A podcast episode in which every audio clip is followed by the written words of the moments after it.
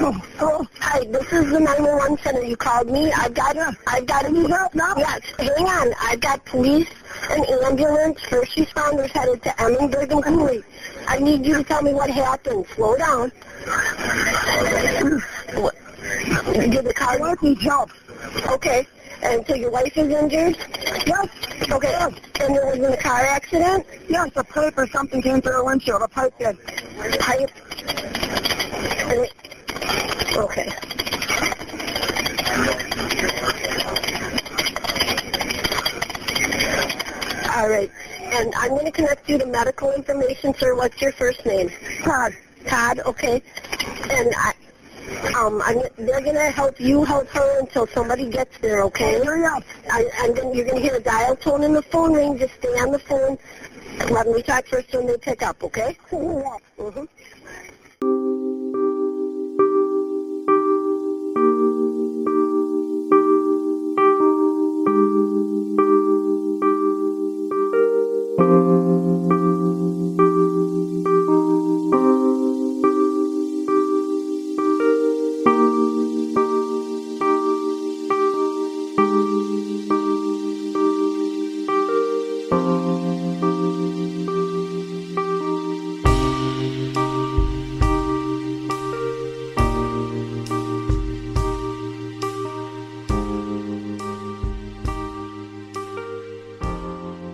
Välkommen till analys av ett mord. Jag heter Sebastian och veckans avsnitt heter Fantomtracken. På morgonen den 16 september 2016 ringde Todd Kendhammer 112 i La Crosse, Wisconsin.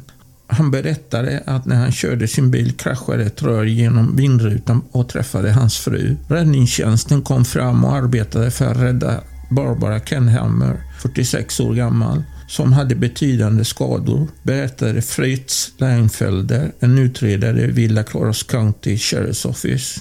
Barbara fördes till sjukhuset och Todd verkade vara mycket orolig för hennes tillstånd när han pratade med räddningstjänsten. Han sa att röret hade flugit av en truck som färdades i motsatt riktning och han hade dragit ut röret från finrutan. Han gav bara en vag beskrivning av trucken. Utredarna fick reda på att Todd arbetade med glas och vindruteservice medan Barbara arbetade i en skola. Han sa att han var på väg att hämta upp ett fordon han lagade och att Barbara skulle åka till jobbet efter det. Polisen sökte efter trucken som han sa orsakade incidenten och utfärdade en offentlig efterlysning för att hjälpa till att hitta den. Kenhammers bil skickades in för analys. Detektiver fokuserade på olycksplatsen och Todds skador. De tog bilder på hans händer, tröja och repor som han hade runt om halsen och över bröstet. Todd berättade för oss att han hade några av dessa skärningar och skrap på kroppen eftersom han arbetar med glas. Han skyllde också på omfattande sår på sina knogar på olyckan. För utredarna föll Todds berättelse som osannolik. Den enda personen som kunde bekräfta hans berättelse var Barbara, som dog på sjukhuset. Det lärde sig att Kenhammer, som hade två barn, träffades som tonåringar och gifte sig när de var 21. Vänner beskrev paret som lyckliga och nästan löjligt förälskade. Det var som att förlora en familjemedlem, sa Carrie Mellicott, hennes vän och kollega.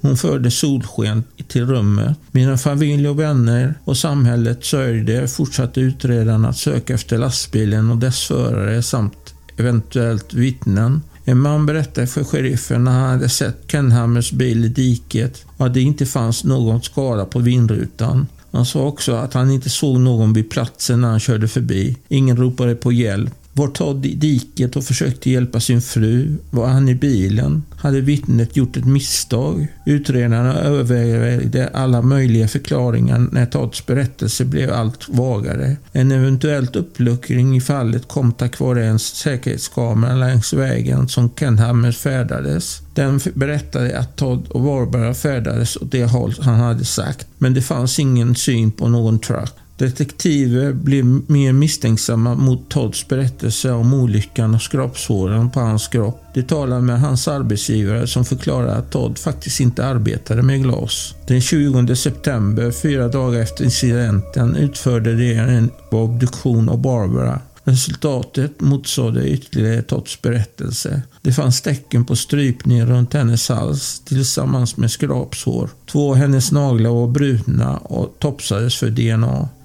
Vi visste efter obduktionen att döden sannolikt inte orsakats av påverkan från ett rör genom vindrutan. Vid det laget klassificerades dödsorsaken för Barbara som obestämd. Detektiver intervjuade Kenhammers barn som övertygade om att deras far aldrig skulle skada sin mor. Men andra vittnen sa att Todd hade ett temperament och var mer kontrollerande än ömsint när det gällde Barbara. Utredare försökte replikera olyckan som Todd hade beskrivit genom att släpa ett rör från en lastbil. I simuleringarna reagerade röret alldeles som det hade gjort i Todds berättelse. Analys och Edhammers bil kom tillbaka och fynd och glasfragment stödde inte Todds berättelse om olyckan. Smuts på röret som matchade jord i bagageutrymmet på bilen ökade ytterligare utredarnas misstankar. Röret kan ha varit något av en bekvämlighet vid den tiden för att sätta igenom vindrutan och få det att se ut som en krasch. Todd kallades in för en formell intervju. Polisen påpekade inkonsekvenser i hans berättelse, inklusive att kunden som ägde bilen Todd sa att han skulle hämta upp på morgonen för olyckan inte visste någonting om det. Todd insisterade på att han inte hade gjort något för att skada Barbara. Efter en nästan fyra timmar lång intervju kunde utredarna inte få fram en berättelse och släppte Todd. Emellertid visade laboratorieresultat att Todds DNA fanns under Barbaras naglar. Det fanns tillräckligt med rättsmedicinska bevis för att klassificera hennes död som mord. Utredarna trodde nu att Barbara hade blivit slagen flera gånger och att hon inte satt i bilen när röret kom genom vindrutan. Todd Cadhammer arresterades och åtalades för mord. Rättegången påbörjades den 5 december 2017 Försvarsteamet argumenterade för att Todd talade sanning och hans inkonsekvenser var kopplade till stressen av att förlora sin fru.